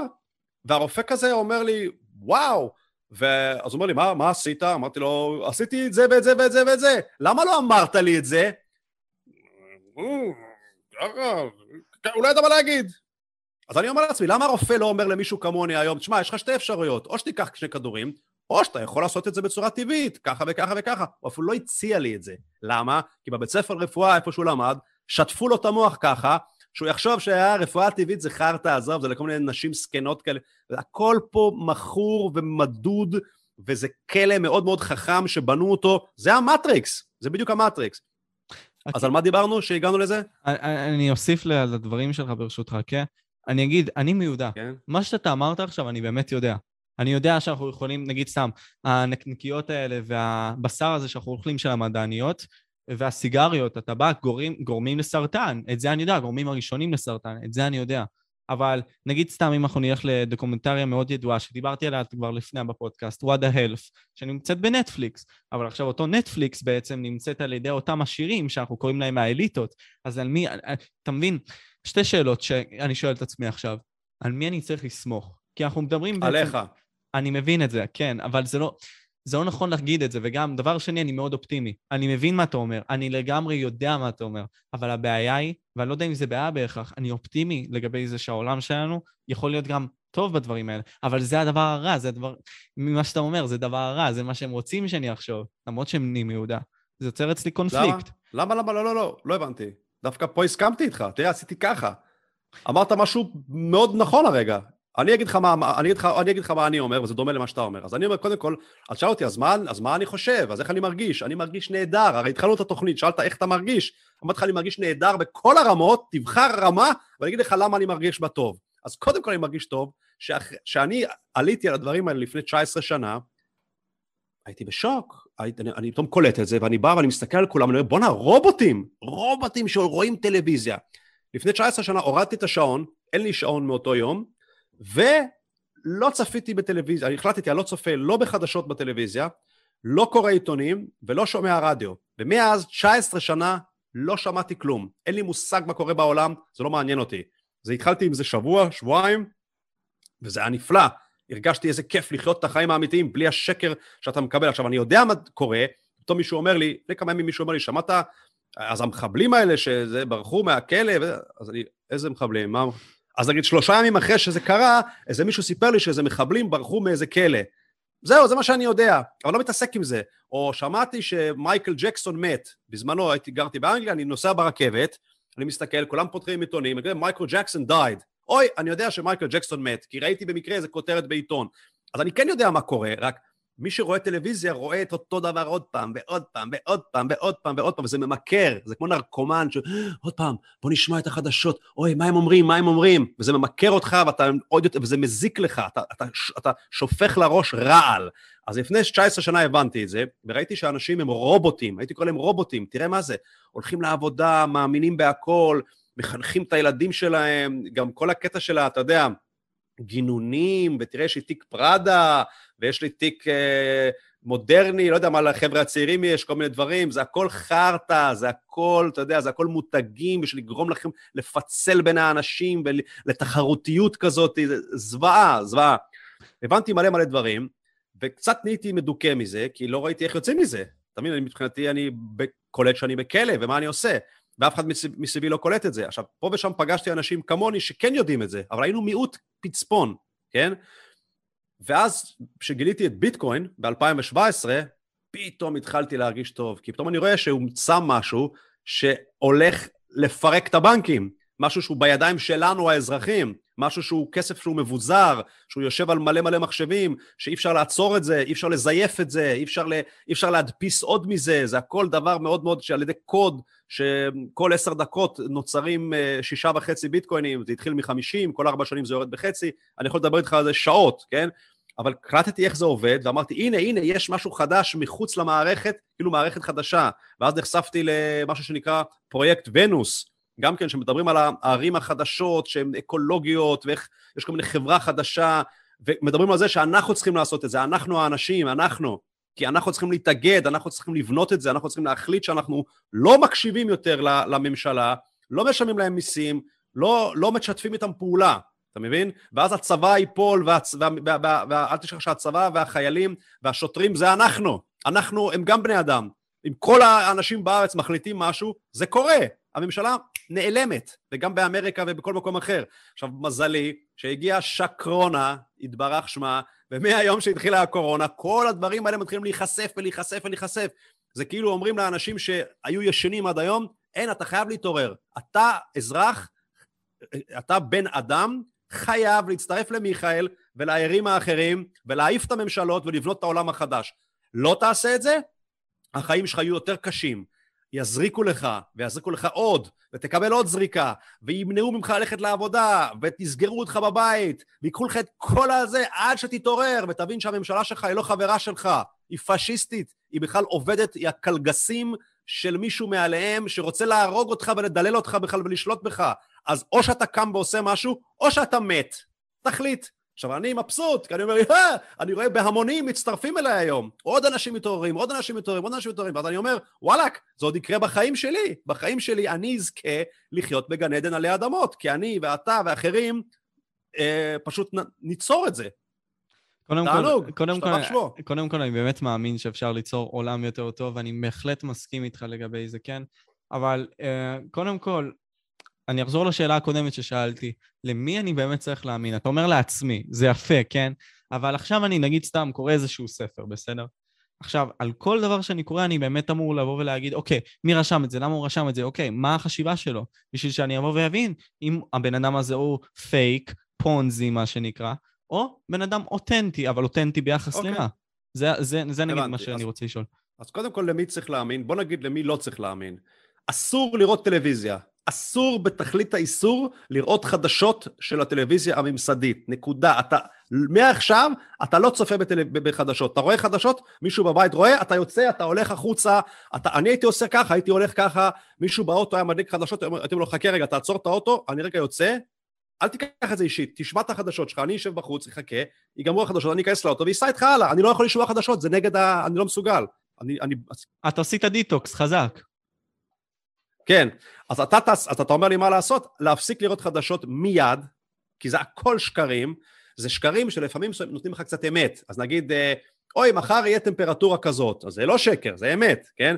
או היה איזה אירוע פה ושם, באמת זה היה, אבל אז מראים לך מלא דברים אחרים שהם שקרים, אז אתה כבר לא יודע מה שקר ומה לא אמת, מה אמת. אז פשוט לא לראות חדשות, לא לקרוא עיתונים, לא להקשיב לרדיו, אתה רוצה לקרוא ספר? תקרא ספר. עכשיו, יש לך אינטרנט, עכשיו, אתה פשוט יכול לראות ביוטיוב מלא מלא מלא מלא אנשים שהם מצונזרים, אבל יש לך רופא שבא ועושה הרצאה, יש לך רופא אחר שעושה הרצאה, יש לך ערוצים כמו אלכס ג'ונס, כמו אחרים שהם ערוצים ללא צנזורה, הערוץ שלי, תבוא תשמע לאנשים שמתראיינים אצלי, תשמע מלא מלא מלא דברים ביוטיוב, שהם מצונז... שכביכול אה, לא מצונזרים, אבל הם, אתה יודע, יוטיוב לא יכולים לצנזר את הכל, אז הם מצנזרים הרבה, אבל יש המון המון המון שלא מצונזר, שהוא אמיתי, והוא, והוא מדבר איתך על האילומינטי ודברים שבטלוויזיה בחיים לא ידברו איתך עליהם. אז עכשיו אתה שואל אותי איך תדע מה האמת? אני אגיד לך בדיוק איך תדע. אני למדתי עריכת וידאו באינטרנט. איך למדתי עריכת וידאו? הלכתי ליוטיוב, כן? התקנתי Avid, תוכנה, אתה יודע, Avid Media Composer, וכל יום הייתי רואה קצת אה, חצי שעה פה, חצי שעה זה אמר, הייתי רואה איך להכניס את הוידאו ואיך לחתוך. עכשיו, איך ידעתי מי מהם דובר אמת ומי לא? לא יודע, הקשבתי לזה, היה נשמע לי הגיוני, יישמתי, יישמתי מה שהוא אמר, מה שזה אמר, והיום אני יודע לערוך וידאו מעולה. איך אני ידעתי לעשות, uh, לפתוח, להשתמש בתוכנת OBS, שהיא מאפשרת לי לעשות broadcast של, ה, של, של התוכנית ללא צנזורה, באינטרנט, אבל איך, איך ידעתי למי להאמין? ידעתי, הקשבתי להרבה אנשים, ובסוף הבנתי מי, מי נראה לי, מי, מי זרמתי איתו ומי לא, וגם היום אני יכול לשמוע כל מיני אנשים מכל מיני דברים שאומרים, על ה-QAnon זה נכון או לא נכון, זה לא משנה. ואני מקשיב למלא דברים, אני מקשיב לחייזרים, נגיד כל נושא החייזרים, או העולם הבא, אתה יודע כמה אינפורמציה יש על העולם הבא שהסתירו ממך, יש עולם הבא, אין עולם הבא, אני לא יודע. אני חושב, מרוב כל מה שנחשפתי אליו, ביוטיוב, כי בתור ילד גרתי במשפחה אתאיסטית, שאין אלוהים, אין נשמה, אין חייזרים, אתה מת, זה נגמר, אין כלום. ובגיל 28, שעברתי את ההתעוררות הרוחנית, פתאום התחלתי לחקור וראיתי, וואלה, לפי כל האינפורמציה שאני מקבל, יש עולם הבא, יש חייזרים, יש ישויות, יש מלאכים, ויש אנשים שמתקשרים אותם, וחבל לך על הזמן. אז אני לא יודע אם זה אמיתי או לא אמיתי, אבל מרגיש לי הרבה מהדברים האלה כן אמיתי. מאוד מאוד מרגיש לי אמיתי, וזה מאוד עוזר לי. זה גורם לי להיות בן אדם שמח ומאושר ולהתפתח, אז, אז מה זה משנה אפילו אם זה לא אמיתי, אתה מבין? כן, אז אנחנו נדבר שנייה על ש- אה, כמה נושאים קצרים, כן, אבל אני בכל זאת ארחיב על מה שאתה אמרת, כן? אני, אני מבין לגמרי מה אתה אומר, בעצם לצבור מהחוויות של האנשים האחרים ולראות מהכל ולנסות לראות מהקולות שלכאורה הם מושתקים. אני הבנתי את זה לגמרי, ותיקחו את זה כעצה, כי אני מאוד מסכים עם זה אישית. תנסו לראות כמה שיותר השקפות עולם שונות. אבל אתה דיברת גם על תחרות וכוח, ואני אומר לעצמי, הרי בביולוגיה זה אמור להיות ככה שיהיה תחרות וכוח. לדעתך זה דבר רע? בלי, בלי, מה, כאילו... מה, מה, אמרת פה משהו. תראה, תראה, תראה איזה מוח כבר יש לי, בגלל שאני כל כך רגיל לחשוב מחוץ לקופסה. אמרת, בביולוגיה זה צריך להיות ככה. עכשיו, אנשים שהם לא מאומנים כמוני, ולהקשיב לכל מילה, היו זורמים איתך. אז אני קודם כל, אדוני, מה זאת אומרת? מאיפה הבאת את זה? אמרת, אמרת משפט, ואני צריך להגיד, נכון, אולי זה לא נכון מה שאמרת. בעלי החיים עושים ככה. זה צריך להיות ככה? בעלי החיים ככה. תראה לי, תסביר לי, תן לי דוגמה. אני לא אומר שאתה טועה, אבל לא ילך עיוור אחריך ויגיד, נכון, אתה צודק. מה זאת אומרת, בביולוגיה זה צריך להיות ככה? לא אוקיי, אז אני אקח את האריה האלפא מיין, מה שנקרא, בפק. קח נמלים, לא אריה, קח נמלים. יותר קשה לי. קח זברות, קח גמלים, קח היפופוטמים. למה דווקא אריה? כי האריה הוא צד. קח מה שאני אמרתי. כי אני, אני לא מספיק מנומק. כי אתה הולך לבנות את זה על האריה ולעשות לי מניפולציה כאילו זה ככה בהכל. אז כבר דחפתי לך את שאר החיות שתתרכז בהם ונראה אם, אם התיאוריה שלך נכונה. כן, אבל uh, בכל... אתה, אוקיי, בסדר, אני, אני מבין מה אתה אומר. לא בהכל נכון. יכול להיות שאני פשוט לא מיודע מספיק בשביל לבוא ולהגיד את זה, אני פשוט מיודע באריות. אוקיי. אז, אז אני, אני אגיד בכללי לגבי האריות, אבל יכול להיות שאני גם טועה, וזה בסדר, אני פשוט אומר את זה כפי שאני רואה את זה, כן? כן. Uh, יש את האלפא מייל, שזה בעצם האריה, והוא צריך להתחרות על דבר מסוים, שזה בדוגמה להגן על המשפחה שלו, או על האוכל שלו, כי זה יותר נכון להגיד, כן? אבל בשביל לנצח, בשביל להראות שהוא הגבר החזק העצום הזה, הוא בעצם צריך להילחם באריות אחרות למען האוכל שלו, וכך הוא מראה כוח ותחרות. זה מה שהתכוונתי. מה? בוא, לא, אין לי מושג על מה אתה מדבר. בוא נסתכל רגע על אריות באפריקה, אוקיי? אז נשאל את עצמנו, אם אני אסתכל על להק אריות, או איך זה נקרא, קבוצת אריות, כן? להקת אריות, אז מה, האם אני אראה, הרי הבן אדם לא יודע מי הראש השבט, כאילו מי האריה האלפא מייל, כן? הוא לא יודע, אם אתה זואולוג, אתה תדע, אבל אם אנחנו אנשים רגילים להסתכל על האריות, ואפילו הזואולוג, לא משנה, אז אתה תראה אריות, שלווים, ביחד, עם הגורים שלהם, עם, עם הגברים האריות והלוויות, הרמוניה כזאת היא מוחלטת, כן? והם צדים ודואגים לעצמם. אתה לא תראה שהם רבים אחד עם השני עד זוב דם, וכל הזמן מתווכחים אחד עם השני, והורגים אחד את השני, וכובשים אחד את השני. לא תראה את זה, ואתה מתאר שזה כיום בעולם. כן, הבנתי אותך. אז אני אומר, הלוואי והיינו כמו החיות, או כמו האריות אפילו, אז היה הרבה הרבה יותר טוב פה, אבל אנחנו בכלל לא דומים לזה. Mm. אוקיי, מה רצית לשאול? לא, אז אה, אני פשוט אומר ש... זה מעניין הגישה שלך, כי אני אישית מעט, לא מסכים איתך, אבל יש הרבה מאוד דברים שאני מסכים איתך. על מה זה, אתה לא מסכים היופי. איתי? עכשיו... על מה? בוא תגיד על מה אתה לא מסכים איתי. אולי תשכנע אותי. על מה? שהר... אוקיי, מבחינת, אני פשוט לא רוצה שזה יגזול יותר מדי זמן, כן? אבל מבחינת, כן. אוקיי, הכוח והתחרות, בסדר? Um, בסופו של יום אני מסתכל על זה ככה גם בהיסטוריה האנושית, ועכשיו תגיד לי, מה, אוקיי, היסטוריה אנושית, זה מין שלנו, אני אה, לא יודע, אולי הנדסו את זה גם, אני לא יודע, אבל גם אם נלך לתיעודים יותר מוקדמים, בסופו של יום הכוח הוא זה שפירק הכל. הכוח הוא זה שהפך קבוצות, כמו הקומוניסטים, ליותר גרועים. בעצם הוא שינה את ההיררכיה הזאת, כי לא כל אחד יכול להיות שווה, כי אם הוא שווה הוא בעצם סובל. ככה אני מסתכל על זה, יכול להיות שאני טועה, ובגלל ניסיון החיים שלי, הדליל, אני טועה. אבל ככה אני מסתכל על זה, שפשוט לא הכל יכול להיות שווה. כי שווה זה מילה חזקה, יש יותר מדי מרכיבים לזה. אני אמרתי שווה? שמעת אותי אומר שהכל יהיה שווה? לא, אבל אה, אה, אני, אני אומר שהטרנדים האלה... אתה קולט את ההבדל, ההבדל הקיצוני בין העובדה ש-80% מההון קיים בידיים של אחוז אחד, אתה טוען שכל דבר פחות מזה זה נקרא שוויון? כל דבר פחות מזה זה... לא, זה לא שוויון. אני, אני מבין מה אתה אומר. זה לא שוויון, כי בסופו של דבר אותם אנשים סובלים, נכון, אבל באותה תחרות, בסופו... אז אפשר ש... לשפר את המצב שלנו. אבל אם אני מבין... אפשר לשפר את המצב שלנו נכון, המון, נכון. ועדיין לא להיות שווים נכון. לגמרי. אבל אם יש לך מוצר יפה. שווה, וכולם רוצים לקנות ממך, אבל לא רוצים לקנות מכל שאר השכנים, כי הם לא שווים, זה לדעתך לא פייר? כי בסופו של יום זה ככה. ניקח את אמזון, סתם לדוגמה. לא, לא, תשמע, אני מדבר מנקודת מבט שלי, נקודה אופטימית. יכול להיות שאם זה לא בתדר כן. שלך וזה בסדר. נגיד, עכשיו יש את אמזון, בסדר? והיא מונופול. מונופול, אני לא יודע אם זה טוב מבחינתך, אוקיי? מונופול ששולט על אנשים וכאלה, יכול להיות, בסדר? אני פשוט אומר את זה מנקודת המבט שלי. אותם אנשים לא יקנו בקיוסק של, אה, לא יודע מה, אה, ספרים, סתם דוגמה, לא יודע, בחנות מסוימת ספרים, כי זה לא שווה להם, זה לא רווחי להם, כי אמזון מציע trade יותר טוב בסופו של יום. הם, העניין השיווקי שלהם יותר טוב. אתה גם מרוויח יותר, כי בעצם זה זול יותר. אז זה מה שאני מתכוון. ככל שזה יותר המונופול, ככה זה יותר רווחי לבן אדם, אז הם לא ילכו לכל שאר האנשים. אז אתה אומר יופי, טוב שיש אמזון וטוב שזה ככה. אני לא אומר את זה, אני פשוט מציג את זה, זה העניין. אני, אני לא יודע אם זה נכון או לא. שמעתי אותך. mm. בסדר, אז אוקיי. אוקיי. אז שמעתי, ויופי, בוא נחיה ונראה. לא, תשמע, יכול להיות שהאמת שלך היא נכונה. וגם, זה משהו בפודקאסט שלי שאני רוצה לבוא ולבנות, אני לא יודע אם זה נכון, כן?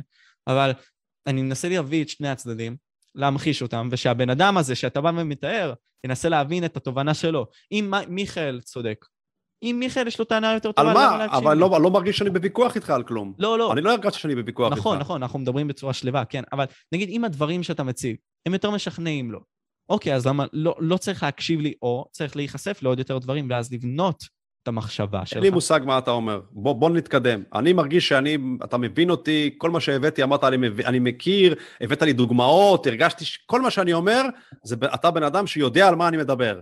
ופתאום אתה החלטת שאנחנו, שאני, יש לי איזו עמדה אחרת, ולך יש עמדה אחרת, אני בשוק, אני בכלל לא הרגשתי ככה לא, עד אותו רגע שאמרת את זה. לא, כי נגיד מבחינת התחרות והכוח, היה פה אי הבנה מסוימת, כן? או אי כן. תיאום מבחינת הדברים שאני מציג. או סתם לדוגמה, כל העניין כן. האופטימי הזה שאני בא ואומר כזה, אוקיי, העולם הוא לא אולי כל כך נורא, אבל העולם הוא, כפי שאתה מציג אותו, הוא לא, הוא לא יש כל מיני קלאשז. אוקיי, אז האופטימיות, הבנתי איפה, אז רק דבר אחד עכשיו הבנתי שאנחנו לא לגמרי דומים, כנראה. אני אופטימי לגבי העתיד. אני מאמין שבעתיד הולך להיות פה הרבה יותר, אני אומר, עכשיו זוועה, עכשיו נורא. אם אתה חושב ואתה משלה את עצמך שבמצב שיש לך קואופרטיבים ענקיים שמנצלים אותך בצורה משוועת ומכריחים אותך להתחסן וכל הזוועות שקורות פה, זה בסדר, וזו אלטרנטיבה שהיא נורמלית ואפשר גם לקבל אותה, אולי, אולי כדאי שזה יישאר ככה. אחי, תאמין בזה. אז אני אומר שגם אם אתה מאמין בזה ואתה, ואתה סובל בלי שאתה סובל, אני כזה אופטימי שיום אחד אתה תתעורר לזה שאתה יכול לסבול הרבה פחות ואפילו ליהנות. אז אני אופטימי לגבי בוא נבנה את הדבר היותר טוב. ואתה אומר, אני מסכים איתך, אבל אולי לא כדאי לבנות את הדבר היותר טוב. אולי עדיף להישאר ברע, כי אם נעשה את הטוב, אז נפסיד את, ה, את הספר הזול של אמזון. בסדר, אמרת, קיבלתי, אז בזה אני אומר, נחיה ונראה. כפי לא שאמר חדש מופלא היה אומר, תאהב את העבדות שלך. אה, אז זה, זה נגיד בכוונה שלי, כפי שאתה מציג את זה. אתה יודע, אמ, איזה ספרים אז, או כתבים שאתה רוצה לבוא ולהציג לצופים, היית ממליץ? שאתה ראית. בגבד גיטה? איזה ספרים? בגבד גיטה? אה? בגבד גיטה, בגבד גיטה. זה הספר התנ"ך, אפשר להגיד, של ההינדואיזם. מומלץ לקרוא אותו באנגלית, לא בעברית, כי בעברית הוא, רש... הוא כתוב במין כזאת שפה תנ"כית, אז הם הרסו את זה. באנגלית זו שפה מאוד פשוטה. הבהגבד גיטה זה פשוט ספר גאוני, אתה קורא אותו באנגלית, הוא, הוא נכתב לפני 2,500 שנה, זה כאילו הוא נכתב אתמול. גאוני. לעומת התנ"ך הישן והמיושן, שהאלוהים חרה פה, והרג את אלה, וכבש את אלה, וכעס על אלה, וכעס על אלה. מדהים. אני ממליץ לקרוא את כה אמר זרטוסטרה של פרדריך ניטשה, אפשר בעברית גם. אני ממליץ לקרוא, אני ממליץ מאוד על פינק פלויד, להקשיב לשירים של פינק פלויד וללכת ולחפש את הליריקס, את, ה, את המילים, ולקרוא, להדפיס את המילים, לתרגם, להבין מה פינק פלויד אומרים, זה פשוט פילוסופיה גאונית שלא לא, לא תתואר. אני ממליץ על, אה, גם אפשר דברים כמו, כמו אקהרט טול, אתה יודע, על המתעורר המתחיל, אה, כמו כוחו של הרגע הזה, אפשר גם לדברים כאלה. אני ממליץ לקרוא, אמ, אני קראתי מלא ספרים, האמת, בתקופה מסוימת, עכשיו אני כבר לא קורא, כי כבר קראתי הכל. אני ממליץ מאוד ללמוד על נון-דואליות. יש דבר שנקרא נון-דואליות, זה נון-דואליטי. כי תראה, לא דיברנו בכלל על, ה, על מה באמת, כי יש פה רובד יותר גדול, שהוא מעבר לממשלות והוא מעבר לאותם אנשים בקצה הפירמידה, וזה בכלל הקטע הקוסמי, זה בכלל העניין שהאנושות עוברת התעוררות רוחנית, שאנשים מתעוררים לטבע האמיתי שלהם, והרי שמעת על האגו, שיש אגו, אז אנחנו לא יודעים מי אנחנו, אנחנו בני האדם, לא באמת יודעים מה אנחנו, הרי, וכל הקטע של הבודהיזם וההינדואיזם מאוד מאוד מאוד מדבר על זה. הם ממש מדברים על, על, על הדבר האמיתי הזה, שהוא ה, מה שנקרא המודעות, המודעות, הנשמה, שבעצם מכילה את התחושות, את הרגשות ואת התחושות, מחשבות, סליחה, מחשבות, רגשות, תחושות ותפיסות. כל זה, זה לא אמיתי, זה הכל אשליה, mm. אבל כל הדבר, הדברים האלה נכווים על ידי התודעה, והתודעה זה בעצם הצופה, זה הנשמה שמכילה את הכל, כמו שמיים, שהעננים לא צריכים לקרוע את השמיים ולהגדיל אותם, השמיים נמצא, נשארים כל הזמן, לא משנה איזה עננים יעברו בהם, ככה המודעות שלך קיימת, ואפשר ללמוד על מודעות, כל דבר שקשור במודעות, אני מאוד ממליץ ללמוד על, על, אמ, על הבנת המודעות, ואז אתה בעצם רואה שאתה בכלל לא מה שאתה, אתה לא, אתה לא חיים, אתה לא משה ואני לא מיכאל.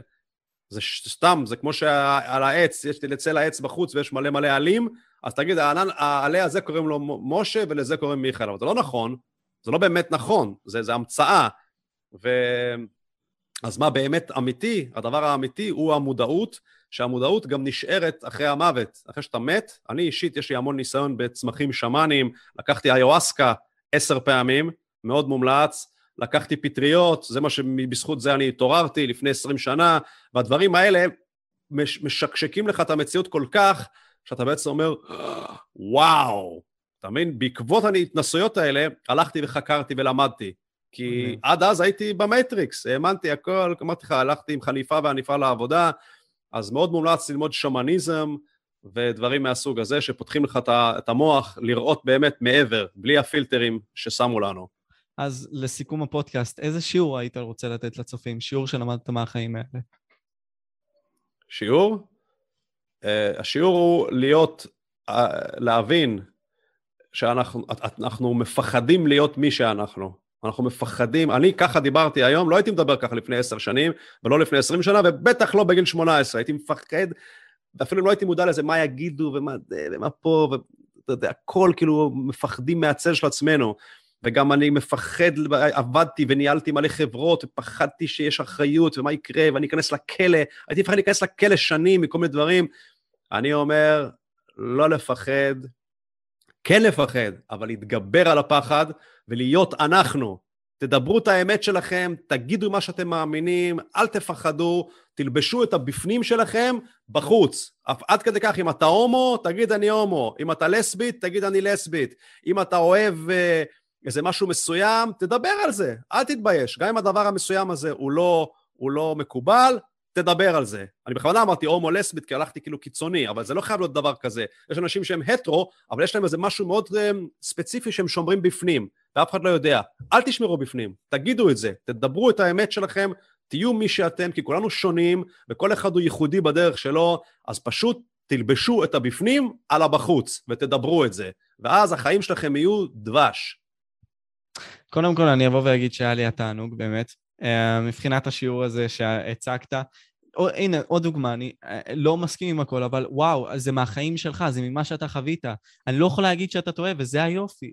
העניין הוא בסופו של יום לנסות את הדברים, לנסות לחלום, לנסות להאמין, ולנסות ליצור עולם יותר טוב כפי שאתה מציג. בכללי אני אבוא ואגיד שבאמת היה לי התענוג, מיכאל, ואני מאמין שאני רוצה עוד הרבה כאלה. אמ, יש לך דברים להוסיף? אה, לא, להוסיף שהיה לי תענוג גדול מאוד, וכל הכבוד אה, מה שאתה עושה, ואני תומך בזה, ואני גם אומר לאנשים שיעשו פודקאסטים, שלא יפחדו, תראה מה זה, יש לנו לייבים בפייסבוק, כל בן אדם יכול ללחוץ לייב ולדבר את האמת שלו, אבל למה לא עושים את זה? מעט מאוד עושים את זה, אתה מכיר מישהו שעושה את זה חוץ ממך? לא הרבה. מעט מאוד עושים את זה, אבל כל אחד יכול. למה הם לא עושים את זה? מפחדים. מפחדים.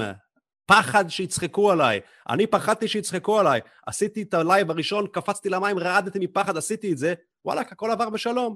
ועשיתי עוד אחד ועוד אחד, והיום אני לא מפחד מכלום, ואני ממליץ לכולם לעשות את זה. אז תודה רבה, שנה טובה. אני, אני אתן אבל את הקרדיט where it's due, um, לינקים בתיאור לתרומות של uh, ללא צנזורה, ובין אם זה הטלגרם של ללא צנזורה, זה יהיה למטה, ואם אתם רוצים להשת... להצטרף לרשימת התפוצות של ללא צנזורה ואהבתם את מה שמיכאל אמר, um, הלינק למטה, ובכללי לאתר של ללא צנזורה, זה יהיה למטה גם, והערוץ כמובן.